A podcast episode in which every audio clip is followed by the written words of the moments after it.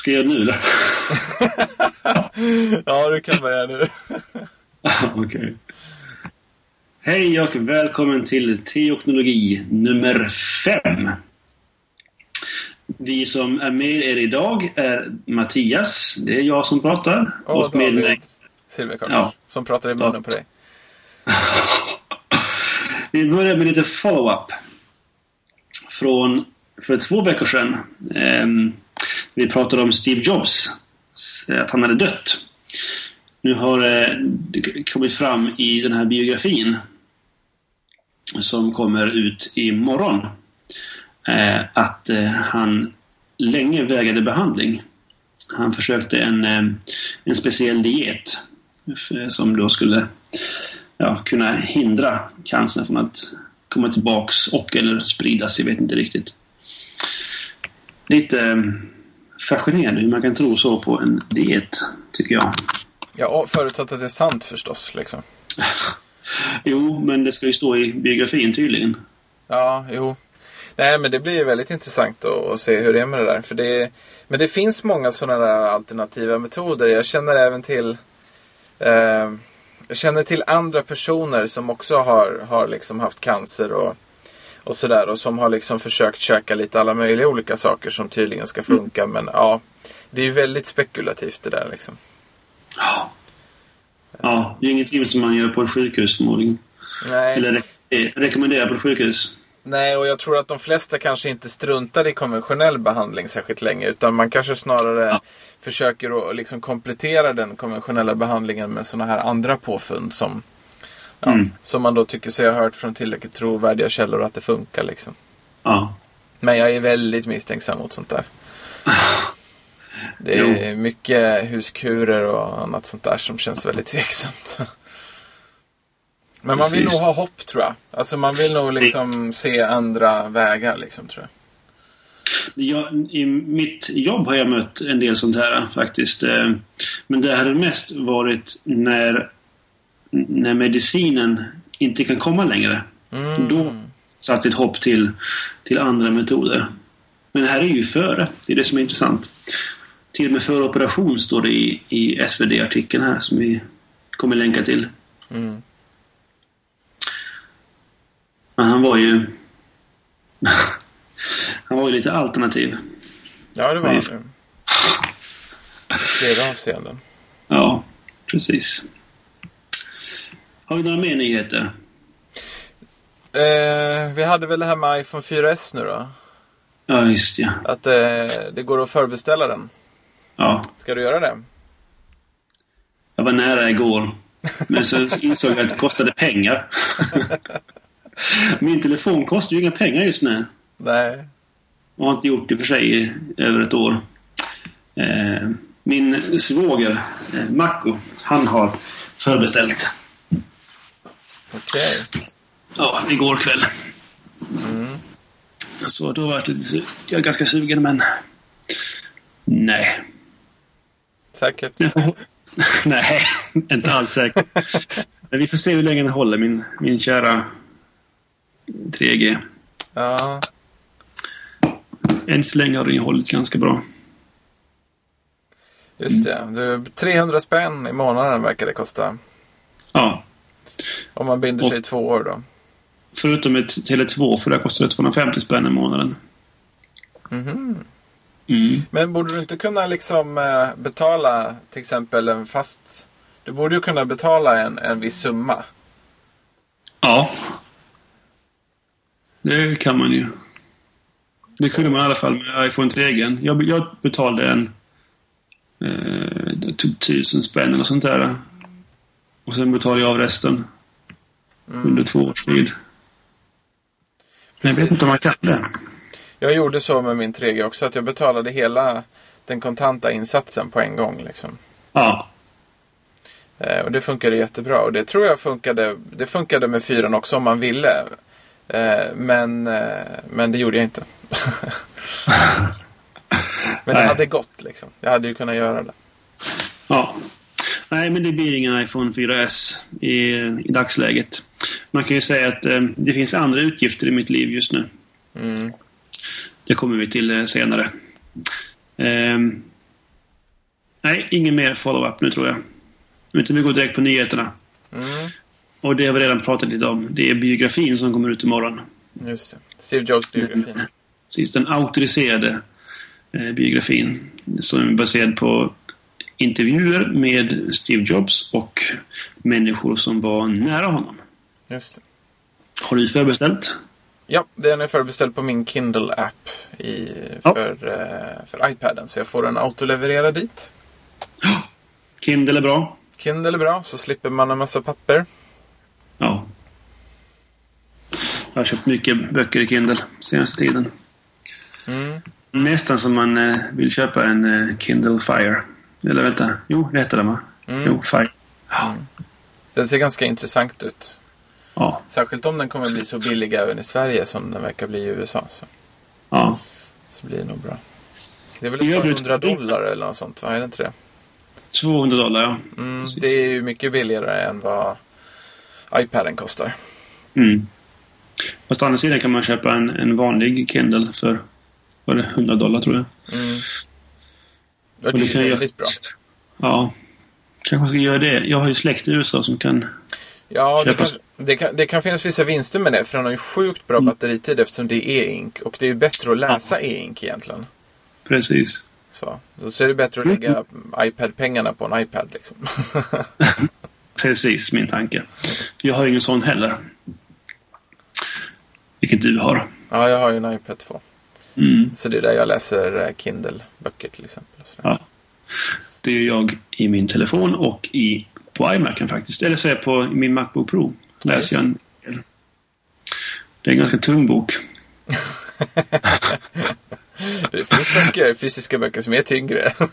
Ja, jo då, jag har ett par. Men eh, ja, den är ju alltid med. ja, Nästan. Och är lite större texten på iPhonen. ja, det kan bli lite litet. Men jag har läst lite på den också. Det går ju såklart. Det gör. Jag har läst romaner på min iPhone. Det fungerar ju hur bra som helst. Mer nyheter har vi inte. Nej, Och vi det har inte det. Att eh, jag har den här veckan flyttat till hus. Eh, och det tar ganska mycket tid att flytta visade sig. Du var ju i huset redan förra veckan. Ja, jag var det. Knappt på plats.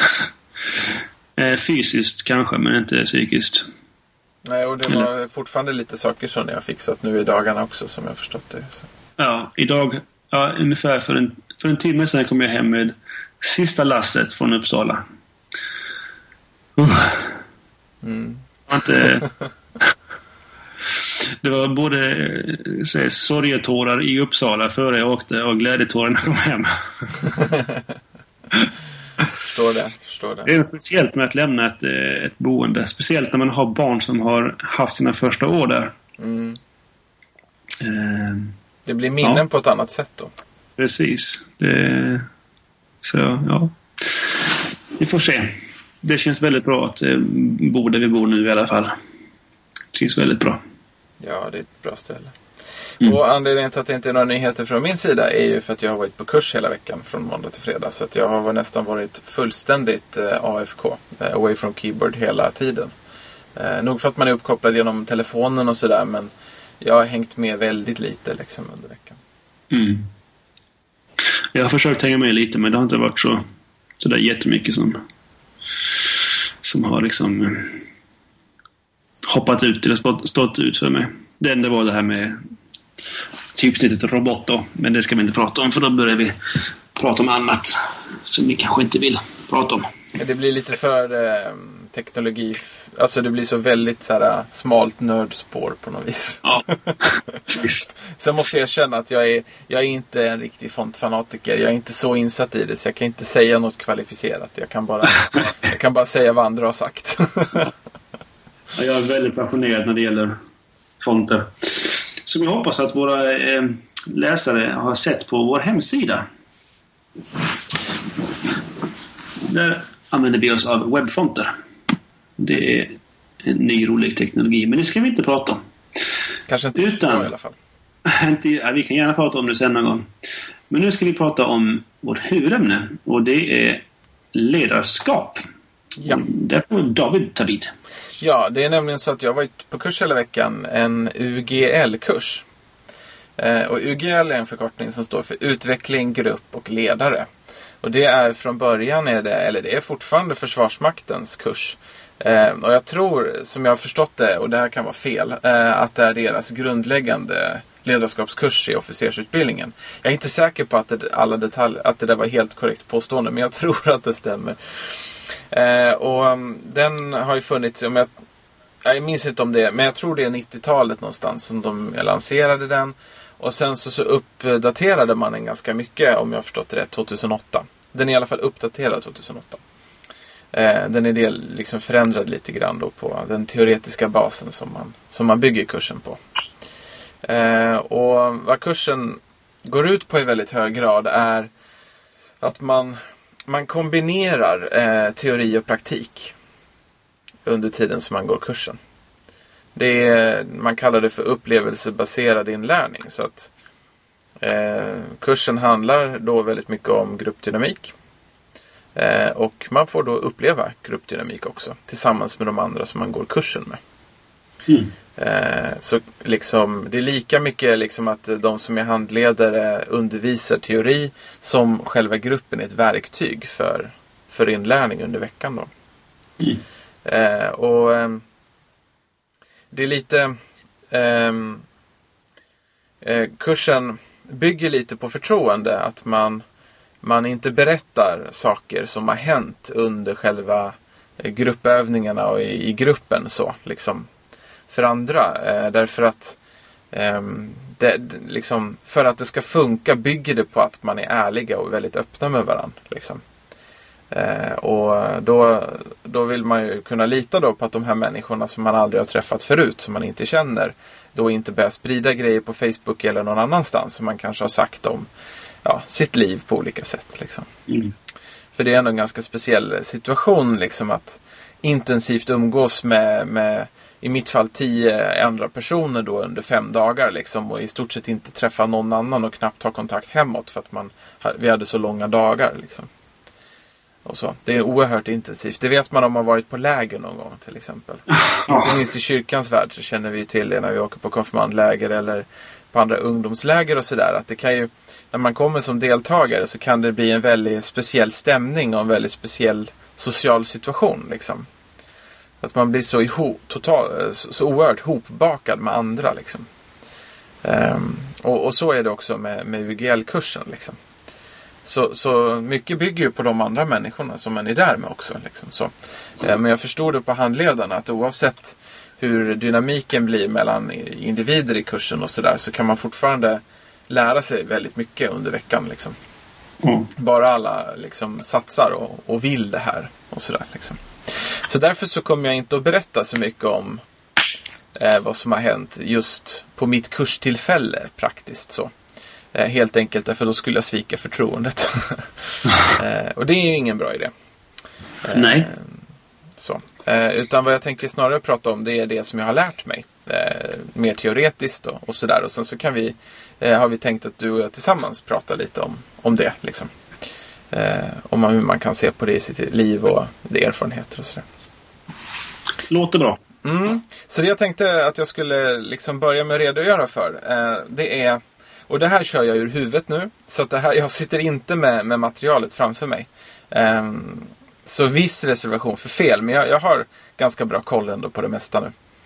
Eh, eftersom det är så färskt i skallen. Ja.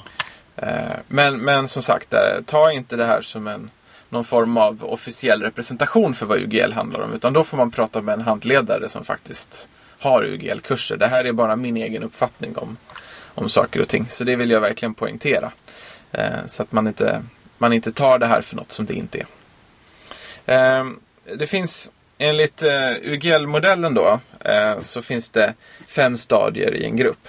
Eh, och det här bygger på forskning som är sammanställd och presenterad av en forskare som heter Susan Whelan. Eh, så man kan googla på henne om man vill och kolla upp henne. Jag såg nu precis när jag googlade innan här att det finns faktiskt videos här eh, som man kan titta på med henne också.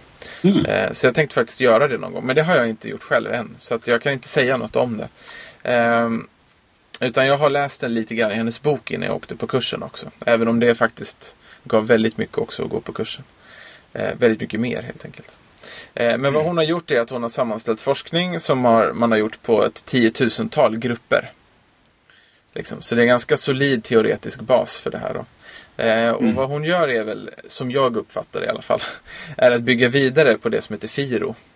Eh, som man ju ofta hör talas om i just gruppdynamiska sammanhang och som handlar om eh, och som, som är då den här eh, forskaren som på 50-talet under Koreakriget forskade på den amerikanska marinen därför att man undrade varför olika grupper presterade olika bra. Liksom.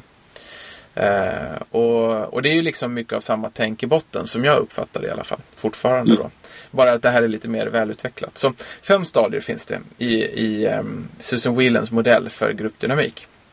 Som är det som UGL då bygger på. Eh, och eh, det första, eh, för det första kan man då säga att en grupp är då mellan 8 och 12 personer. Jag vet inte varför den undre gränsen finns där. Det, det, har jag inget minne av. Den övre gränsen finns där därför att när det blir fler än 12 personer då, då rent informellt, även om du formellt är en grupp fortfarande, så splittrar gruppen sig i, i mindre grupper. Liksom. Eh, av någon anledning har man inte förmåga att ha koll på mer än typ 12 personer på det mm. sättet. Och eh, så, så därför så är också en UGL-kurs man går, det ska vara mellan 8 och 12 med eh, liksom, deltagare. Då. Inklusive handledare eller? Nej, handledarna ställer sig liksom utanför själva gruppprocesserna så att därför så är det två handledare också eh, utöver de 12 deltagarna. Mm. Ehm, och det första stadiet i gruppdynamiken är, är ehm, jag kanske kallar dem fel nu också eh, eftersom jag inte har papperna framför mig. Då. Eh, men det första stadiet är tillhörighetsfasen. Och det är då när man kommer in i ett nytt sammanhang eh, så, så liksom känner man ju inte de andra personerna som man ska vara med. Eh, och då är man liksom så här, man presenterar namn och sådana här saker och man funderar på Även om man kanske inte tänker tanken rakt ut, även om man kan göra det också, så funderar man på, tillhör jag gruppen? Eh, mm. Kan jag höra ihop med de här andra människorna? Får jag vara med i den här gruppen? Och sådär. Eh, till exempel, eh, det, här, det här är en sån här sak som man kan fundera på när man själv har, vad man har för egna erfarenheter av, av nya grupper när man kommer i ett nytt sammanhang. Liksom. Ja. Eh, och jag kan ju bara säga det att som, som präst till exempel, om jag kommer in i ett nytt sammanhang med människor som är som inte är ett kyrkligt sammanhang. Liksom. Och så. Då är ju en aktuell fråga för mig, kommer jag få vara med liksom, som präst? Ja det är inte självklart. Det finns människor som tycker det är skitjobbigt att träffa en präst. Liksom. Mm. Av olika anledningar. Kanske har dåliga erfarenheter eller, eller har väldigt negativ inställning till kyrkan och tycker att man är liksom världens ondska på något sätt. Liksom. Eh, och inte vill prata med en och inte vill se en i ögonen, inte vill ha med en att göra. Det kan ju finnas en uppsjö av skäl till det. Liksom. Och mm. ganska konsekvent undviker den. Sånt har man ju fått vara med om. Liksom. Eller jag. Eh, har fått vara med om det någon gång i alla fall. Eh, jag också. Ja, men eller hur. Det är, det är ju inte ovanligt. Liksom. Även om Nej. det kanske inte är det, det vanligaste reaktionen heller. Verkligen inte. Så, så det är en fråga man bär med sig som präst. Liksom. Eh, men, men jag tänker att det har inte bara med ens yrkesroll att göra utan också mer som ens individ själv. Så att kommer man att bli accepterad av de här andra människorna? Liksom? Eh, kommer man få vara med? Och um, i, i, när en grupp är i det här läget, då man, har man inte så mycket av gruppkänsla. Man har ingen riktig riktning tillsammans till exempel, för att man har inte koll på varandra. Eh, och det innebär att om man ska vara ledare för en grupp i det här stadiet, då behöver man vara väldigt tydlig. Ge väldigt fasta ramar och, och vara väldigt tydlig med vad man ska göra för någonting och hur saker ska fungera. Liksom. Bra, en, bra, en bra koppling till det är till exempel hur vi har jobbat med konfirmanderna i höst i min församling. Då. Eh, där vi nu de första gångerna där vi är extremt tydliga med reglerna. För det är också viktigt, spelreglerna i gruppen, att det ty- fort kommer på plats. Så att man vet vad är det som gäller här, liksom i det här sammanhanget. Eh, att man är i tid, att det funkar så här och att man, man, man är schysst mot varandra och, och sådär. Liksom. Eh, och och man, eh, man lär sig varandras namn eh, så fort man kan. Man jobbar på det så att man kan namnen. Mm. Eh, och i konfirmandgrupp leker vi ofta mycket lekar. Det gör man ju under hela året men, Men om man är smart gör man det extra mycket i början. Liksom. Eh, för att slappna av tillsammans, för att känna att man är en grupp och sådana här saker. Och kanske också tänja lite på de här sociala konventionerna som man bär med sig från skolan. Så att man, mm. man vågar släppa loss lite grann och alltså bjuda lite på sig själv. Eh, och det där är en viktig sak som jag tänkte återkomma till, det med att bjuda på sig själv. Eh, får se om vi kommer ihåg det. Men det, det, är liksom första stadiet. Det handlar om tillhörighetsfrågan. Eh, och det stadiet har man passerat i samma stund kan man väl säga som gruppen känner att ja, vi hör ihop. Liksom. Vi är en grupp ja. tillsammans. Och, och, och, då brukar det kännas lite skönt sådär. Att ja, men vi, vi, vi, vi är ett gäng nu. Så. Eh, och vad man kommer vidare till sen då. Nu är jag lite ostrukturerad inser jag här. Eh, är att man, man som grupp befinner sig i alla de här stadierna samtidigt. Men att man har fokus på något stadium. Så mm. det är mm. inte så att man bara fullständigt i ett stadium åt gången. Liksom. Utan man kan skifta lite. Liksom. Alltså att man har närvaro i alla stadier. Men man har eh, tyngdpunkten i ett. Liksom. Så. Mm. Eh, och andra stadiet. Eh, det vet jag faktiskt till och med vad det heter. Eh, det heter skenbart oberoende och konflikt. Mysigt va? Väldigt. och då börjar man fundera på, när man då är tillhör i gruppen, man vet att man, är, man hör till. Då kommer frågorna om eh, eh, vad är vi på väg? Vem är det som bestämmer? Eh, ska jag bestämma? Ska någon annan bestämma? Eh, vill jag vara en del av den här gruppen? Kommer min kompetens att eh, tas tillvara här? Liksom? Mm. Eh, och vad som infinner sig då är helt enkelt att man, man börjar ifrågasätta ledaren till exempel. Och är ledaren väldigt eh, fast och hård med att peka med hela handen i andra fasen så, så kan man få väldigt stora konflikter på grund av det också. För, för man är lite i upprorsstämning liksom, i, i, i mm. andra fasen. Att det är inte självklart med, med ledarskapet. Liksom. Utan man ifrågasätter lite vad man är på väg och vad man ska göra för någonting. Och Eh, risken om man är en grupp som får i uppgift att lösa en uppgift då är att man kanske varken kommer överens om vem som ska leda eh, och man kanske inte heller kommer överens om sådär väldigt mycket annat för den delen heller utan man pratar i mun på varandra och stör ut och, eh, och mm. sådär och man tar inte så stor hänsyn till varandra och någon kanske går därifrån för att den tänker bara vad är det här för skit liksom jag vill inte vara med i det här och, och så. Nu drar jag det liksom till en viss extrem men, men det, det har ändå de här momenten liksom så. Mm. så i sig liksom. Är det någonting som du känner igen? Ja, absolut. Väldigt hög grad. Just den andra, andra fasen är ju... Alltså, jag tror att de flesta har ganska bra koll på den första fasen. Att den... Eh, det här med att ha tydliga eh, ramar och, eh, och också just det här att, att växla mellan att ha tydliga ramar med att kunna släppa loss. Eh, men just den andra fasen, den hör man inte så mycket om att det är just en fas. Sen tror jag att de flesta av oss känner igen det från, från våra grupper. Mm. Så vi är med i. Och det där är väldigt lurigt liksom. För jag tror också att just i första fasen är det väldigt tacksamt då att vara väldigt tydlig med gränser, att vara en väldigt mm. tydlig ledare och sådär. För det vill alla ha då. Ja. Eh, problemet är när du kommer till nästa fas, då vill man inte det. Liksom. Ja, och när går man över i den? Det är ju det som är... Ja, precis. Det och där gäller det att vara lyhörd för gruppen i väldigt hög grad. Att man försöker att känna in var är vi någonstans? Var är vi någonstans liksom? Ja. Eh, och softa upp saker lite i sitt... Eh, alltså att man behöver inte vara lika hård liksom, när man kommer in i andra fasen. Utan då måste man försöka släppa lite och inse att nu kommer det bli lite rough här ett tag. Mm. Eh, och det är en viktig insikt för en ledare också att förstå det. Att, att eh, nu kommer jag under en tid här kanske få rätt mycket skit. Eh, det kanske kommer vara lite jobbigt. Det kanske är så att någon hoppar av, om det är konfa eller något annat sånt där. Eh, det kanske blir bråk. Eh, och jag kanske får skulden för det. Även ja. om det inte riktigt är mitt fel. Liksom. Ja. och så. och man får bara bita ihop och förstå det. Att, att men så är det.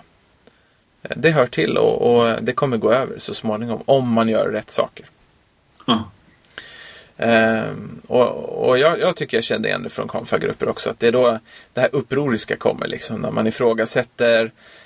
Man gör inte det vi ber om att höra av sig om man inte kommer. Man dyker bara inte upp. Man är ganska dissig ibland. Och det finns här lite dålig attityd ibland och sånt där kring det. Liksom. Så. Mm. Eh, och det intressanta som man då får lära sig på kursen bland annat är att det är, väl, det är tydligen så att det, det är oerhört många arbetslag och hela företag som aldrig kommer ur fas 2. Befinner sig i fas 2 konsekvent. Ja. Eh, och det är alltid bråk om vem som ska bestämma. Eh, om, en, om kompetens kommer till nytta. Vad är det egentligen för regler som gäller? Vilka regler borde gälla? Och risken är ju också, har jag förstått det som, att man, man hakar upp sig väldigt mycket på regler och börjar diskutera sånt oerhört mycket. Som om det var lösningen på problemet. Liksom. Mm. Eh, och i någon mån kan ju regler vara en del av en lösning på ett problem om det är så att det fattas regler. Men, Mm. men väldigt ofta så kan man då, man kan ju fly lite in i strukturer för att slippa ta i relationsbiten. Liksom. Mm. Och, så. Eh, och poängen med andra fasen är att det är framförallt problem med relationerna. Om man har bra regler och struktur från början, liksom, i första fasen, om det redan är satt, då, då handlar det egentligen inte om regler när man kommer till andra fasen eller struktur. Utan det handlar om hur man fungerar tillsammans. Och där gäller det då att hålla ut som ledare. Eh, och gör man det eh, så kan det vara så att eh, man hamnar i andra fasen någonstans i en stor kris eller i, i en konflikt.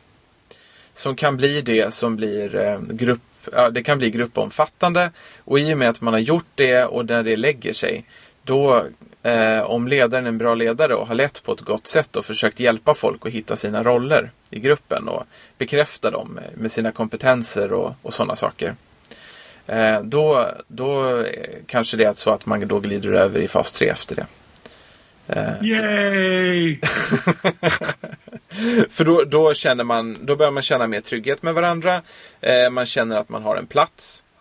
Eh, inte bara liksom att man är tillhörig utan att man också får komma till nytta som person. Så man Mm. behöver inte vakta så mycket på sig själv längre utan man, man får en, en hög uppskattning för gruppen. Eh, man får också en väldigt stark lojalitet för gruppen och, och det finns en stor risk att det blir ett vi och dem-tänk i relation till andra grupper. Eh, att man liksom ställer sig lite i, ehm, i kontrast mot andra. Sådär. Mm. Eh, Vad heter fasen? vad sa du? Vad heter fasen? Eh, den tredje fasen... Jag för mig det är något med tillit. Okej. jag minns inte just Google it. Ja, egentligen borde jag väl göra det. Jag pratar med våra lyssnare. Ni får göra det själv. Ja, ja vad bra, vad bra. Det finns, det finns i shownoterna annars. Ja, precis. Man kan kolla upp det. Eh, hur som helst. Eh, den här tredje fasen då. Eh, är också en sån här fas när man tenderar att dra mot lekfullhet. Alltså att man tenderar till att trivas så bra med varandra så man egentligen inte är så intresserad av att göra någonting. Utan man gillar att hänga med varandra. Liksom. Finns det grupper som eh, inte tar sig ur den här fasen? Ja, absolut. Tycker jag känner igen det från jobbet. Ja. Jo, men det är inte, det är inte ovanligt. Och, och sen finns det en risk för att när du då hamnar i en riktig uppgift som du måste lösa. Om du inte är uthållig, då faller du tillbaka till fas 2 till exempel. Ja. Eh, och börjar hamna återigen i, konflikt kring eh, ledarskap, kring kompetens och sådana saker. Om du inte ser upp med vad du gör. Liksom. Eh, kan, ja, är det en trygg grupp och man tycker om varandra och man har bra relationer så är risken inte så stor att man fastnar där i alla fall på samma sätt. Nej. Men risken är ju att man hamnar där. Liksom. Att man inte vill ta uppgiften på allvar och att man liksom har lite svårt att ta sig Mm. framåt och sådär. Så där handlar det också som ledare då att, att hjälpa till. Va? Att försöka påminna om att men hörni, vi har ett uppdrag ihop. Liksom. Mm. Vi behöver göra det här ihop och, och, och nu behöver vi fokusera på det tillsammans. Så eh, liksom ha den här bekräftelsen av de andra och deras funktioner och roller och de som de är som personer och sådär. Mm. Eh, så kan man ta sig vidare även ur den här fasen. Får jag fråga en sak? mm. Det som driver gruppen, alltså visionen. Hur viktig är, är den i första två faserna? Alltså som jag har uppfattat det så är ju uppgiften för en grupp är ju grundläggande för att gruppen ska existera överhuvudtaget. Ja. Ehm, Så att du, det är klart du kan ju ha en grupp som är ihoptossad ändå men jag tror att du får Ja, det här vet jag, alltså nu, Det här blir lite att jag svarar bara på volley utan att egentligen ha så mycket att gå på men som jag har känt, alltså av det jag har uppfattat så tror jag att du Att, du be, att gruppen behöver veta vad den är till för liksom. Mm. Jag tror det är en ganska integrerad del av själva gruppdynamiken. Och om gruppen inte är till för någonting, ehm, då tror jag att det är ganska svårt för gruppen att bli mogen. Men jag vet Mm. inte om det där är så. Det var bara min uppfattning. Mm. Så. Yes. Ja. Eh, och vad som händer om, om man då biter i så att säga och hjälps åt. Och det där är förresten, apropå fas 3, det har jag sett en hel del av. Eh, inte minst på konfirmandläger. när man har hjälpledare med som då ofta är väldigt duktiga personer också. Alltså de är, de är stora liksom, resurser under året. Man har, de är kanske ett år äldre bara men de, än konfirmanderna. Men de, gör stora resur, de är stora resurser för de leder mycket lekar och de kan, de kan även liksom ta, ibland ta del av undervisningen och de kan göra olika grejer beroende på var de befinner sig någonstans på individnivå mm. som grupp och sådär. Men sen finns ju risken som jag har lagt märke till de här åren då att vi läger då kan det bli som att man helt plötsligt har ett gäng konfirmander till som man måste dra i. Liksom. För då har ledarna fallit in i, le i lägermyset. Och är fullständigt ointresserade av att vi ska ha undervisning. Eller någonting sånt. Utan de vill bara fortsätta leka. Mm. Uh, och det där tycker jag, det där tror jag är ett ganska bra tecken på att man det, eller ja, det måste inte vara det. Men jag, uppfatt, jag har uppfattat det i alla fall som att, att det där kan vara ett exempel på fas 3. Eh, man, har, man, har, man har tagit sig vidare och nu, nu är man liksom i en sån intensiv gemenskap med varandra och det blir så mysigt så att man vill bara inte liksom Man vill inte göra något på riktigt. Liksom. Ja. Och då gäller det ju för oss ledare att påminna om att nej, nu, nu behöver vi ta oss vidare. Liksom. Och så. Eh, och där kan det hjälpa när man då har unga ledare att man utbildar dem i detta tidigare så att de vet om det redan ja. på teoretisk basis. Vilket gör det lättare när man är på lägret. Att, kommer ni ihåg det vi har pratat om när vi har sett tidigare? Om att man kommer i den här fasen när man, när man inte vill göra, åstadkomma något utan bara leka för att det är så roligt. Liksom. Mm. Eh, ni är där nu. liksom. så att man kan. Så här, och nu ska vi göra det här. Och nu behöver ni hjälpa till. liksom. typ så tänker jag. Ja. ja. Eh, och tredje fasen då. Eh, eh, fjärde fasen, förlåt. Fasen efter. Eh, som jag inte heller kommer ihåg vad den heter, inser jag nu. Jag borde faktiskt ha kollat det här innan. eh, det är den produktivaste fasen. Eh, du producerar ju även under de andra faserna. Nu kommer jag inte riktigt ihåg de exakta procenten på det. Men jag har för mig att fas 3, då behöver vi ändå snacka att du kommer någonstans. Jag tror du låg på typ i snitt 60 procents. Alltså mm. att 60 procent av energin eller tiden liksom går åt till att göra det man ska. Liksom. Ja. Och så. Så där, vid fas 3 börjar man alltså tippa över till att bli till att få en effektivitet. Liksom. Mm. Och det säger ju en del om fas 1 och 2 då. Eh, jag minns inte riktigt var det låg någonstans. Så att nu, nu plockar jag siffror ur arslet som man säger på engelska. Eh, jag tror det om det var 20% eller något på fas 1 och 40 på 2. Eller något i den stilen i alla fall. Liksom. Ja. Eh, så, så, att du, du, du har inte, man har ju inte den här eh, man, man, får ju inte ut det fulla, fulla poängen med, med, att vara grupp liksom. Innan man har tagit sig vidare då. Och det här är alltså då väldigt, väldigt många grupper som aldrig kommer till fjärde fasen. Tydligen är det så att det är är ungefär, av de här grupperna man har studerat och sådär. Så det är ungefär bara 25 procent av alla grupper som, kan, som tar sig till fjärde fasen. Hur många procent sa du? Ungefär 25 procent av grupper. Oj. Det är förfärande lågt med tanke på att det är först i fas 4 som du får bästa produktiviteten. Liksom. Mm. Och då kommer du upp i 80 procents effektivitet. Mm. Du kommer inte upp i 100 därför du behöver 20 procent för att sköta relationerna i gruppen mm. även under pågående arbete. Så tydligen är det då även högpresterande idrottsmän. Liksom, de ligger också på 80% när de är i grupp. Liksom, sådär. Mm. Eh, för att man har relationer som man bara, ja man behöver ju sköta det helt enkelt när man jobbar tillsammans. Och Den fjärde fasen är då den mest produktiva fasen. Det är då man får mest gjort tillsammans. Eh, då är gruppen väldigt mogen. Eh, då litar man på varandra. Eh, det gör ingenting om det till exempel skulle bli lite subgrupper i den större gruppen. Därför att man har tillit till varandra. Mm. Eh, så att man, man ser istället det som en fördel att om det är ett par, tre personer som sluter sig samman för att göra någonting ihop. För då ser man det som att ja, men då kommer det bli ett bidrag till den större gruppen. Liksom. Eh, det är inte en konkurrenskänsla, det är inte ett hot mot resten av gruppen för man litar på varandra. Så man vet att de här två eller tre personerna, de gör det här för att vi alla ska tjäna på det liksom, tillsammans. Mm. Eh, och man är inte heller liksom det här vi och dom-känslan som kan finnas i fas 3 mot andra grupper. Utan man är öppen för samarbete med andra grupper och utbyter gärna liksom, både ja, information och allting annat sånt här med andra. Liksom. Mm. Eh, om man har en sån här grundläggande trygghet med varandra och ser, ser konflikter istället eh, för att se konflikter som ett problem och någonting som man inte ska ha. Så är konflikter någonting som är en väg framåt. Eh, det är ett sätt för gruppen att utvecklas liksom, och man tar mm. konflikter på ett mycket bättre sätt. Eh, Man löser inte konflikter genom att ta till konfliktreducerande metoder. Nej. Ett exempel på en, en konfliktreducerande metod är ju att, att backa. En annan är att man tar omröstning i någonting. Eh, Röstar man om någonting då har man inte löst problemet. Då har man bara bestämt vem som, alltså att flest tycker så här så då gör vi så. Ja. Liksom. Eh, Utan i, i fas 4 då gör man inte så utan då diskuterar man. Eh, Och samtalar och ser konflikten som en väg framåt istället. Att, att komma djupare liksom. Att komma framåt och, och nå ett samråd. Mm. Kring, kring hur man bestämmer. Vilket också då gör att alla blir väldigt mycket mer involverade och alla känner att de är delaktiga i beslutet. Vilket beslut det än blir. Liksom. Mm. Så det är helt enkelt där man, man, man, man har högst effektivitet. Ja. Arbete och produktivitet heter det här stadiet. Ja, det låter bra.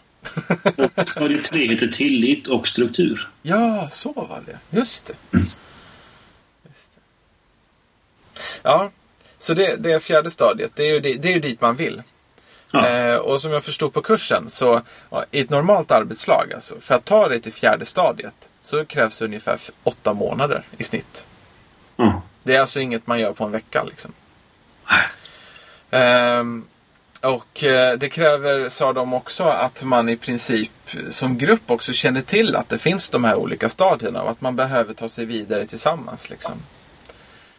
Eh, och att man som gruppledare är väldigt lyhörd för vad gruppen behöver. Mm.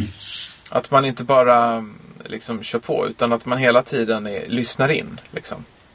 Vad behöver gruppen för någonting? Vad, vad, vad behöver vi göra nu? Därför att en grupp kan ju svänga mellan olika stadier och, och ta lite olika vägar och det kan bli konflikter som är svåra att lösa och ja, olika sådana saker. Och då behöver man ju vara väldigt inlyssnande för att se vad är det gruppen klar, vad behöver gruppen göra nu Mm. för att det ska bli bra. Liksom.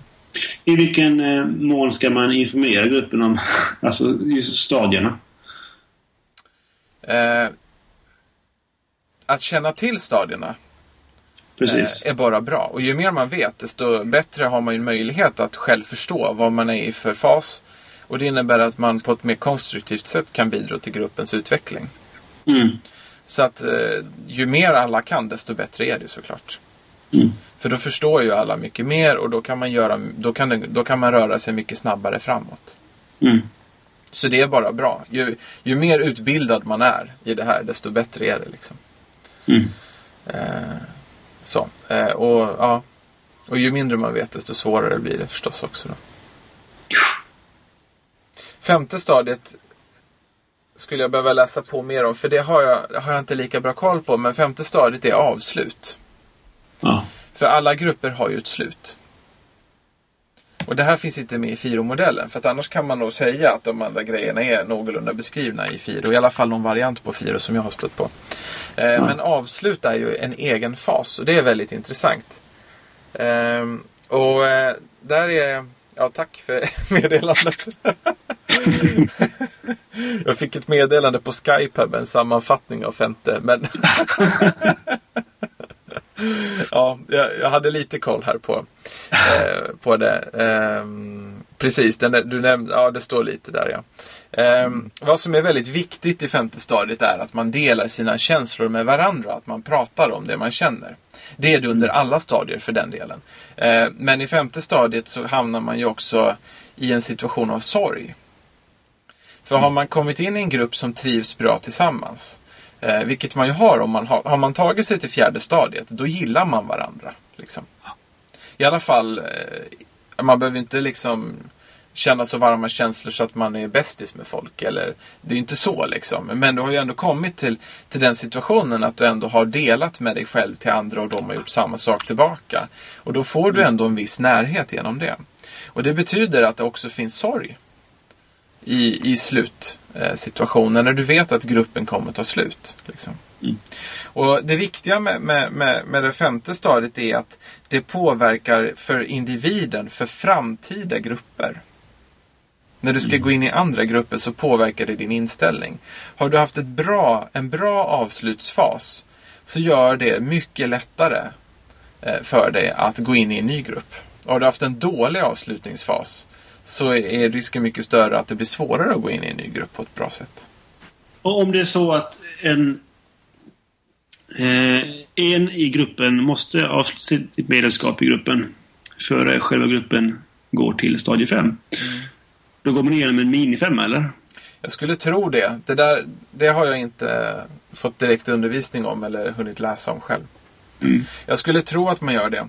Ehm, vi kommer in på en annan sak där också. Fast jag vill först säga en sak till. Eh, och det är att om man inte ser upp med det här och sköter femte stadiet bra. Då är risken väldigt stor att man faller tillbaka igen. Genom stadierna. Eh, då går man tillbaka mot tvåan och ettan till exempel.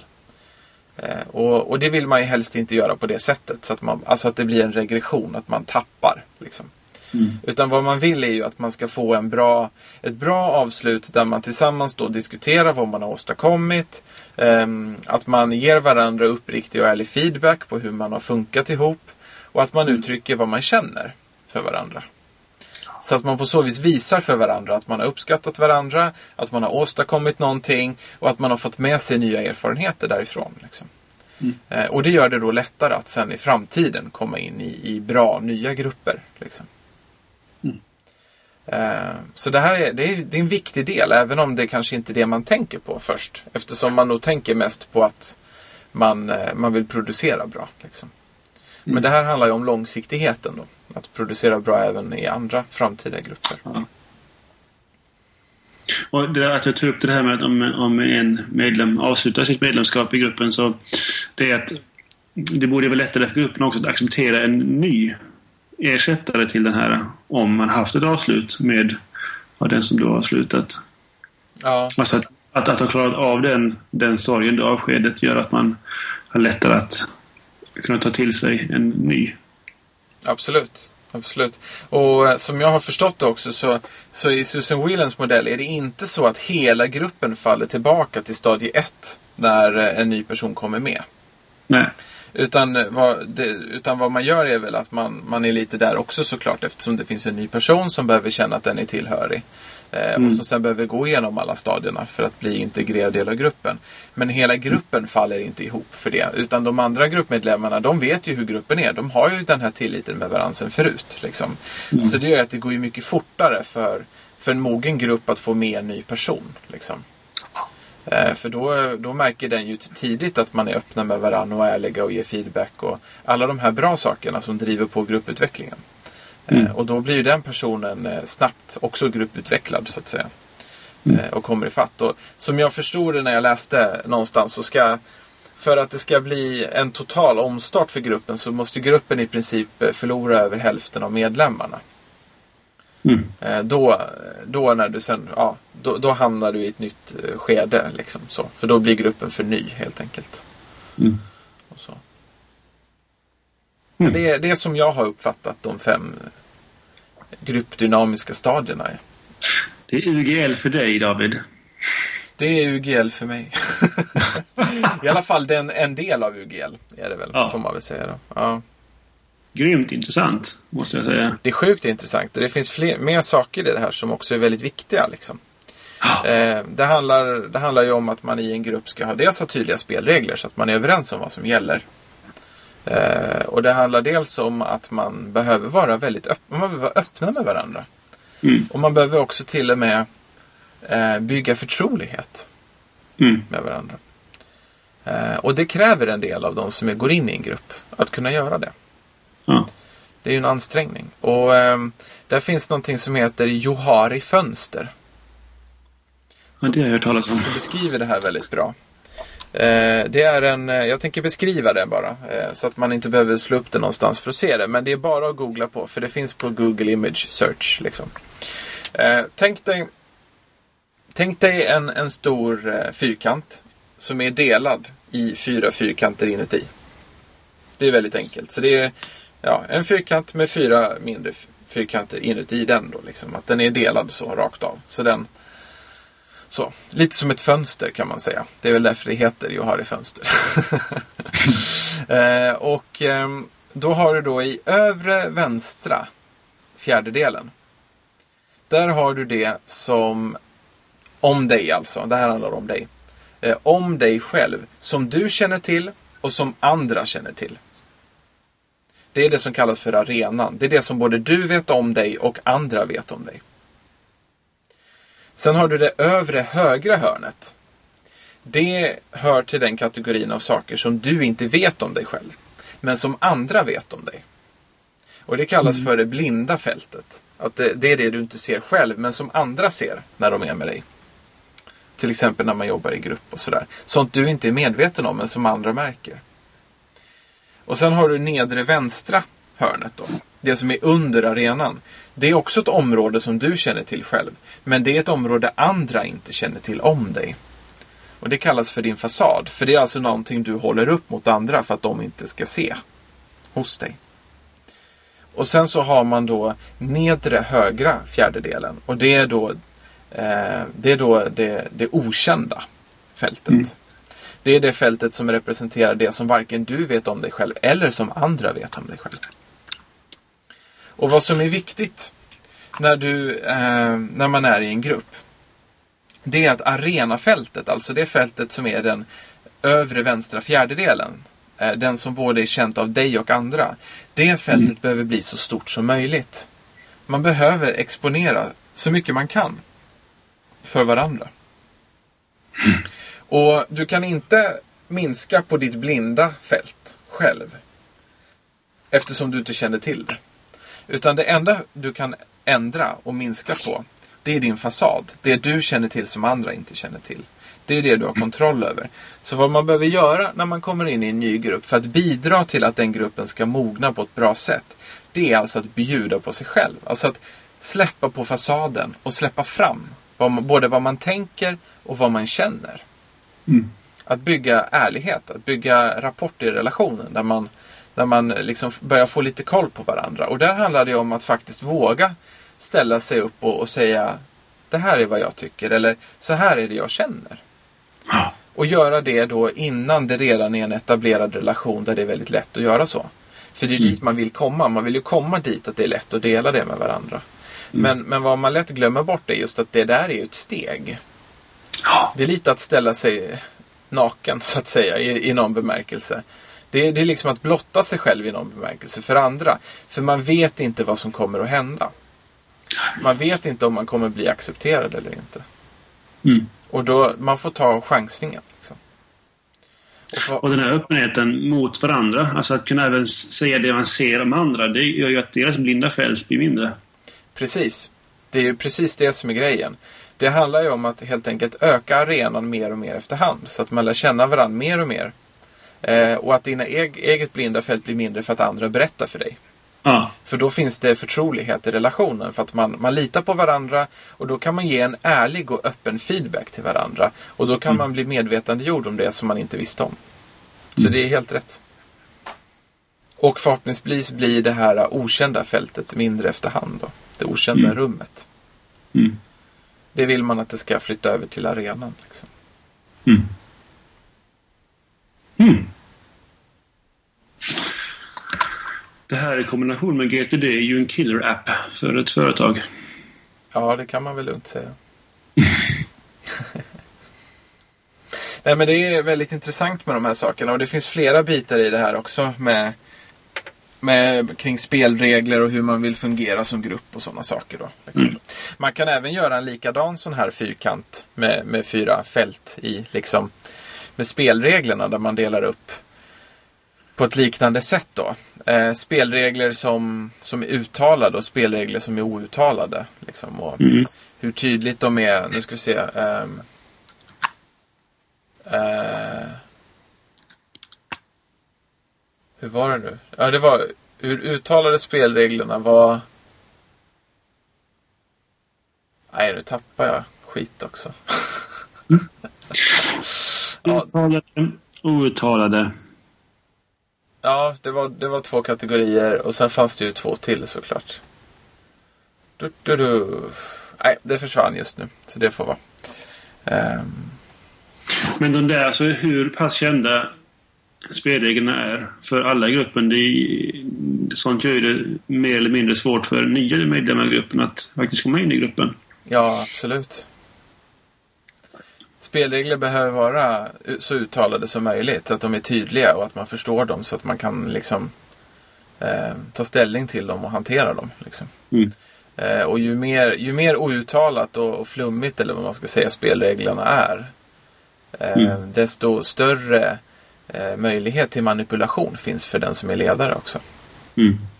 För det innebär att då, då finns det inga riktiga regler att spela efter. Och alltså kan man hålla på lite som man vill. Mm. Och det är inte bra. Det är inte bra för en grupp och det skapar osäkerhet och då kommer man ju aldrig vidare i mognad som grupp heller. Mm.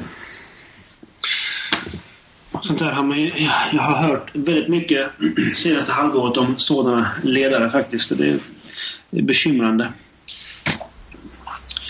Otroligt.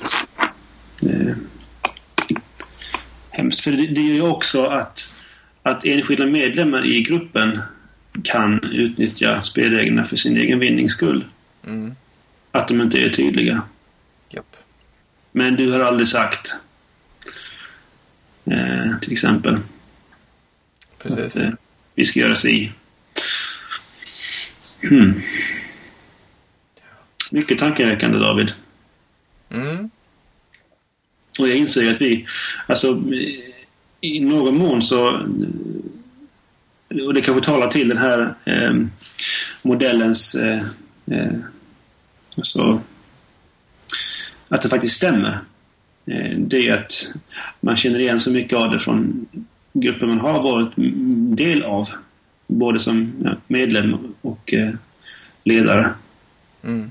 Att, här faserna finns. Mm. Coolt.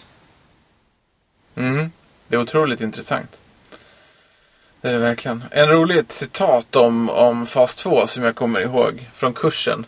Som Susan Whelan då ska ha sagt vid ett tillfälle. Eh, så det är inte nedskrivet. Det är om fas 2. Alltså den här uh, skenbart oberoende konflikt liksom när det blir bråk. Eh, så är liksom bu- budskapet till, till ledaren är eh, We want you, nej, eh, we need you to lead us. But if you do, we will kill you.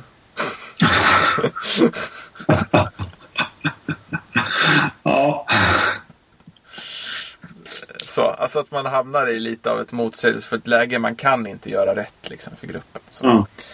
ja. Nej, det, är, det är sjukt intressant. Eh, och jag känner precis som du sa att alltså jag känner igen det från så många sammanhang. Och man får, s- eh, när man sätter sig in i det här så får man sådana verktyg till att förstå bättre. Liksom. Mm. Va- Varför är det på det här sättet? Och varför fungerar det inte bättre än vad, vad det gör? Och, eller för den delen, varför fungerar det här så bra? Liksom. Mm. och så att man får bättre förståelse för, för de sakerna och kan, kan lära sig mer och kan liksom eh, förbättra för framtiden och så. Mm. Eh, och, och förebygga och vara beredd på när man kommer in i fas 2 eller fas 3. Och, och så Mm. att man kan liksom hjälpa till och leda gruppen vidare och, och att bli mer lyhörd. Liksom. Eh, För som ledare så löser man ju mycket genom att vara förnuftig och lyhörd. Man märker ju vad gruppen behöver om man lyssnar. Mm. Eh, Och kan man om det här och läser på om det här så har man ju ännu bättre verktyg för att förstå det. Liksom. Vet du vad jag lägger märke till nu? Vadå? Stadie 1 till 5 faktiskt är motsvarigheter till stadie 1 till 5 i GTD. Rakt av. Ettan är insamling. Ja. Tvåan är process va? Sortering. Eh, ja. Mm. Eh, Trean, trean är Organize. Fyran är Review. Och femman Du. Okej, eh, fyran är inte riktigt. Nej fyran, femman där stämmer inte riktigt. Ja, Ja. men fatta vad coolt. ha. Hmm. Ja, det är intressant. Och det finns också starka paralleller till, om vi tänker djupare, om vi tänker liksom eh, på personligt plan och andligt plan och Ja. hur man vill leva sitt liv och, och sådana här saker. Liksom att, att vara en person som är öppen och ärlig med sig själv till exempel. Mm. Eh, Det är en ganska viktig del i, i den kristna traditionen. Att, Mm. att eh, vara en autentisk person. Liksom. Mm. En person man kan lita på. Eh, en person som, eh, som bryr sig om andra och som, som vill dem väl. Liksom. Och som inte backar för att faktiskt också föra fram kritik. Eh, eller som man ju, alltså av någon anledning använder man ju hellre ordet feedback. Men det är väl för att det är mindre värdeladdat då. Mm. Eh, liksom för att, just för att det är till hjälp för andra. Liksom. Mm. Man vill stödja andra i deras utveckling. Och det är ju, för, för en kristen är ju det här oerhört väl överensstämmande med, med det som man, som man vill göra. Jesus säger ju på ett ställe eh, ta ur bjäl- eh, innan du tar bort flisen ur din broders öga, ta ur bjälken ur ditt eget. Och Mm. Tendensen ibland är ju att förstå det där som att man inte ska säga något om andra. Men det är ju inte det han, det, är ju inte det han säger. Verkligen inte. Eh, Utan det är ju att börja med att ta bort bjälken. Liksom. Ja. För det finns vissa trovärdighetsproblem annars. Ja. Eh, och, och sen hjälp din broder. Liksom, Ja. sådär. Och, och, det är verkligen viktigt. Liksom. Ja. Och också och till en själv som andlig vägledare finns det ju oerhörda verktyg. Um, både i UGL men också i GTD. Har jag märkt. Jag har använt, eh, inte uttalat, men i, i, i själavård. Eh, eller kanske mer andlig vägledning. Eh, GTD. För att få folk att inse sina, alltså, den situation de är i och vart de kanske är på väg. Just det. Som ett organisationsverktyg så att säga. För Ja, att förstå precis. lite grann. Ja. Och det kan man nog använda det här till också, tror jag. Mm. Kanske som i äktenskaps och familjerådgivning Mm. i hög grad. I en familj så, så gäller Ja. det här. Då är man ju en grupp. Liksom. Absolut. Så jag, jag kan... Jag Det är mycket opposition och men- konflikt hos oss nu från vår dotter. Vad sa du? Vår dotter är i stadie två nu. Ja. Ibland. Hon går in och ut mellan, mellan stadierna kan man säga. Det kan man nog säga kan jag tänka mig. Ja. Det är den åldern. ja. Nej men det där är intressant också för i den här modellen då. Eh, och som, det här korresponderar väldigt väl med FIRO tror jag. Så det är nog samma underlag. Men, eh, och det är, ju- det är ju det här med då vad människan har för behov socialt. Mm. Eh, och då är det sammanfattat i tre behov. Och det första är då, man kan tänka på engelska att det är ICA. Eh, så det är I, då är det, då är det inclusion, att man är inkluderad, att man är en del av sammanhang och med andra människor och sådär.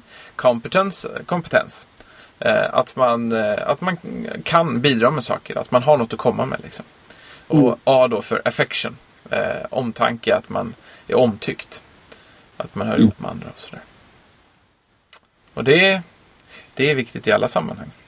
Ja, absolut. Det känns som att det, det är sån, sån sak som talar för eh, den här modellen. Det är att den är applicerbar på så många olika sammanhang. Mm. Eh, och det gäller GTD också tycker jag. Att det, du, kan, eh, du kan tänka i termer av, av GTD och nu UGL i, i så många sammanhang. Inte bara av ditt eget liv utan i, i, i samhället. Mm. Och det är sånt som talar för modell. Ja, att Den, Ja. är, den, är, den är så pass generell. Så att Ja. den gäller mer än bara en sak. Men att den är tillräckligt specifik så att den säger något. Liksom. ja. absolut, absolut. Och jag tycker det är otroligt intressant. Jag menar, den här forskningen på 10 000 grupper. Som jag har förstått det så var ju det allt möjligt. Liksom. Det var ju inte bara någon slags i universitetssalar små grupper. Utan Nej. det är ju alla möjliga olika aktiviteter som man har forskat på. Liksom. Ja. Och sådär. Så det här är ju mer generella lärdomar om hur människan är i grupp. Liksom. Ja. Och det är, det är otroligt intressant just det här. Jag tycker just det här med att bygga rapport med andra människor. Att man har den här äh, pågående kommunikationen i en grupp som gör att man, man bygger tillit och förtroende till varandra. Eh, vi, mm, en, en sån där viktig sak som, som de tar upp på kursen. Som jag tycker är jätteintressant. Eh, eh, för vi gjorde ju en sån övning i, i prästutbildningen nämligen. Eh, som handlar om att vara en aktiv lyssnare. Ja. Eh, och i prästutbildningen så gör vi en sån där övning för att vi ska bli eh, Vi ska öva på att bli bra själavårdare. Liksom. Eh, och i prästutbildningen så, så är, ju, är ju den övningen då att man eh, Det gjorde vi på, på prästutbildningen i alla fall när, när, när vi gick ju. Mm. Att vi fick ju vara tre och tre i grupper. Och så fick man komma med ett själavårdsproblem någon form av problematik helt enkelt i sitt liv då. Eh, som man då skulle komma, och det var en riktig problematik. Den behövde inte vara aktuell. Eh, utan, utan det behövde, men det behövde vara autentiskt. Liksom. Mm. Eh, och så kommer man då, så är en själavårdare. En är konfident, alltså söker hjälp. Och den tredje är observatör. Eh, och så kommer man då till sin själavårdare då, som är en klasskompis. Eh, och så berättar man om sitt problem och så får då den som är själavårdare öva på att vara en aktiv lyssnare. Och att vara en aktiv lyssnare är då att först och främst hålla tyst. och visa på att man är uppmärksamt lyssnar på den andra människan. Eh, och för det andra att man inte ställer ledande frågor. Eh, eller, eller stängda frågor. Så, alltså frågor som, som bara kräver ja och nej svar. Utan öppna frågor. Eh, mm. Så man frågar inte liksom så här, um, käkar du pannkakor till frukost? Liksom, utan man frågar, vad, vad åt du till frukost? Frågor som öppnar upp för mer samtal och inte stänger igen. Liksom. Mm. Eh, och så gör man det helt enkelt. Då. Eh, man, man lyssnar på själavårdsproblemet och man, man ställer öppna frågor för att personen ska få förklara mer för dig som själavårdare och därmed förklara den mer för sig själv också samtidigt. Och reder ut liksom, vad det egentligen är som pågår. Och sen när samtalet är slut så får den som var observatör uttrycka vad den har observerat under tiden. Om man har eh, som själavårdare gått över någon gräns genom att just eh, lägga in ledande frågor eller andra sådana här saker. Eh, och den som har fått vara konfident får då dela hur den upplevde samtalet. Och, sådär. Mm. Eh, och man kan säga att det var i princip samma sak som vi gjorde på UGL faktiskt. Ah. och det tycker jag är jätteintressant. För det har, men där pratar man om coachning då. ah. Men det är ju liksom de här grejerna det handlar om. Att man, man ska vara en aktiv lyssnare, bry sig om den andra människan. Det var någon som sa det till mig, inte på kursen utan det var nog veckan innan. En person som, jag minns inte ens vem det var nu, det är lite pinsamt. Men eh, huvudbudskapet är att inställningen när man möter en annan och ska lyssna på den är att du är intressantare än vad jag är. Ja. Liksom. Det är ett bra perspektiv att ha för då blir man mycket bättre lyssnare. mm. Och, så. och att det är en viktig del då i, i det här med gruppbyggande. Va? Därför att då, då, då hamnar man i det läget tillsammans i gruppen. Att man vet att de andra lyssnar på vad jag har att säga. Mm. Och då blir man mer benägen att också dela det man känner. Och för den delen resten av tiden benägen att inte behöva prata oavbrutet. För man vet att när man har något att komma med då kommer det tas emot. Liksom. Mm. Och då bygger man förtroende. mm. Ja, det är väldigt intressant. Absolut. Ja, ska jag börja den här kursen eller ska jag köpa en iPhone 4S? Det är frågan. 4S är väl billigare än kursen i alla fall. ja. Men i arbetssammanhang alltså, så tror jag det här är väldigt bra saker att göra. För att lära sig mer om gruppdynamik på allvar. Liksom. För när man, som jag nämnde i början så är ju liksom upplägget väldigt mycket att man som grupp gör den här resan själv. Mm. Tillsammans i en, i en lite då konstgjord miljö. Och därför kan man också göra resan, kanske förhoppningsvis i alla fall. Eh, om man har tur, lite snabbare då. Än vad man kan i verkliga livet annars. Mm. Eh, och det, det skapar ju goda förutsättningar för att liksom ha lärt sig saker på riktigt. Då. Eh, mm. Inte bara i huvudet. Liksom. Mm. Ja. ja. Och en god ledare vill man vara. ja, då försöker vi. Varenda konfagrupp man har. Varenda konfagrupp, varenda annan grupp. Liksom. Ja. ja. Det är mycket grupper. Ja, det är mycket grupper.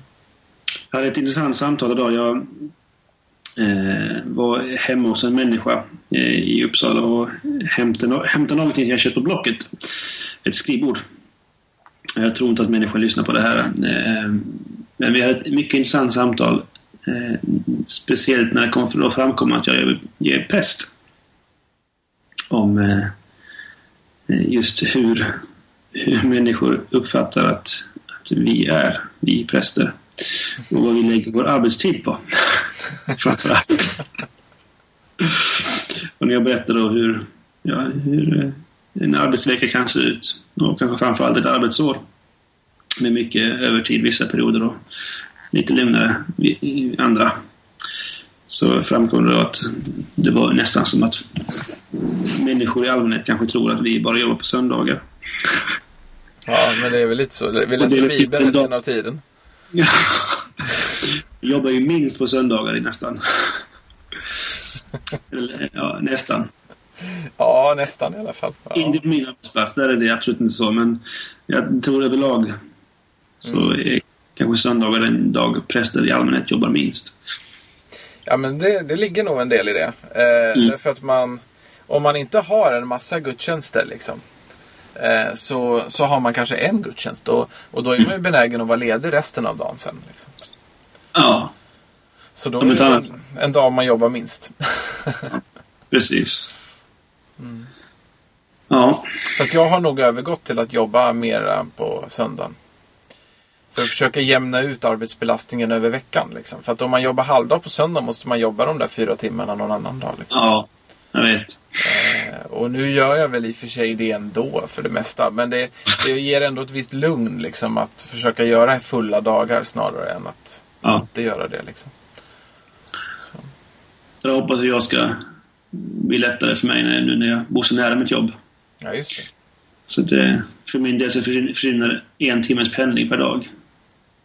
Det gör ju ändå en viss skillnad. Det är faktiskt. ganska mycket. Mm. Ja, kanske inte en, en timme, men 55 minuter. kanske. Mm. Dag sparar jag. Ja, det är ju rätt stor skillnad. Det är väldigt stor skillnad. Ja, vi ska avsluta med... Tror jag, va? Ja, jag tror också det. Vi har ju pratat i över en timme nu. Ja. Jag har Jag pratat avsluta väldigt mycket. ja. Vi pratade lite om sorg i, eh, i, i den femte fasen. Och Jag tänkte också få avsluta med att prata lite om sorg. Mm.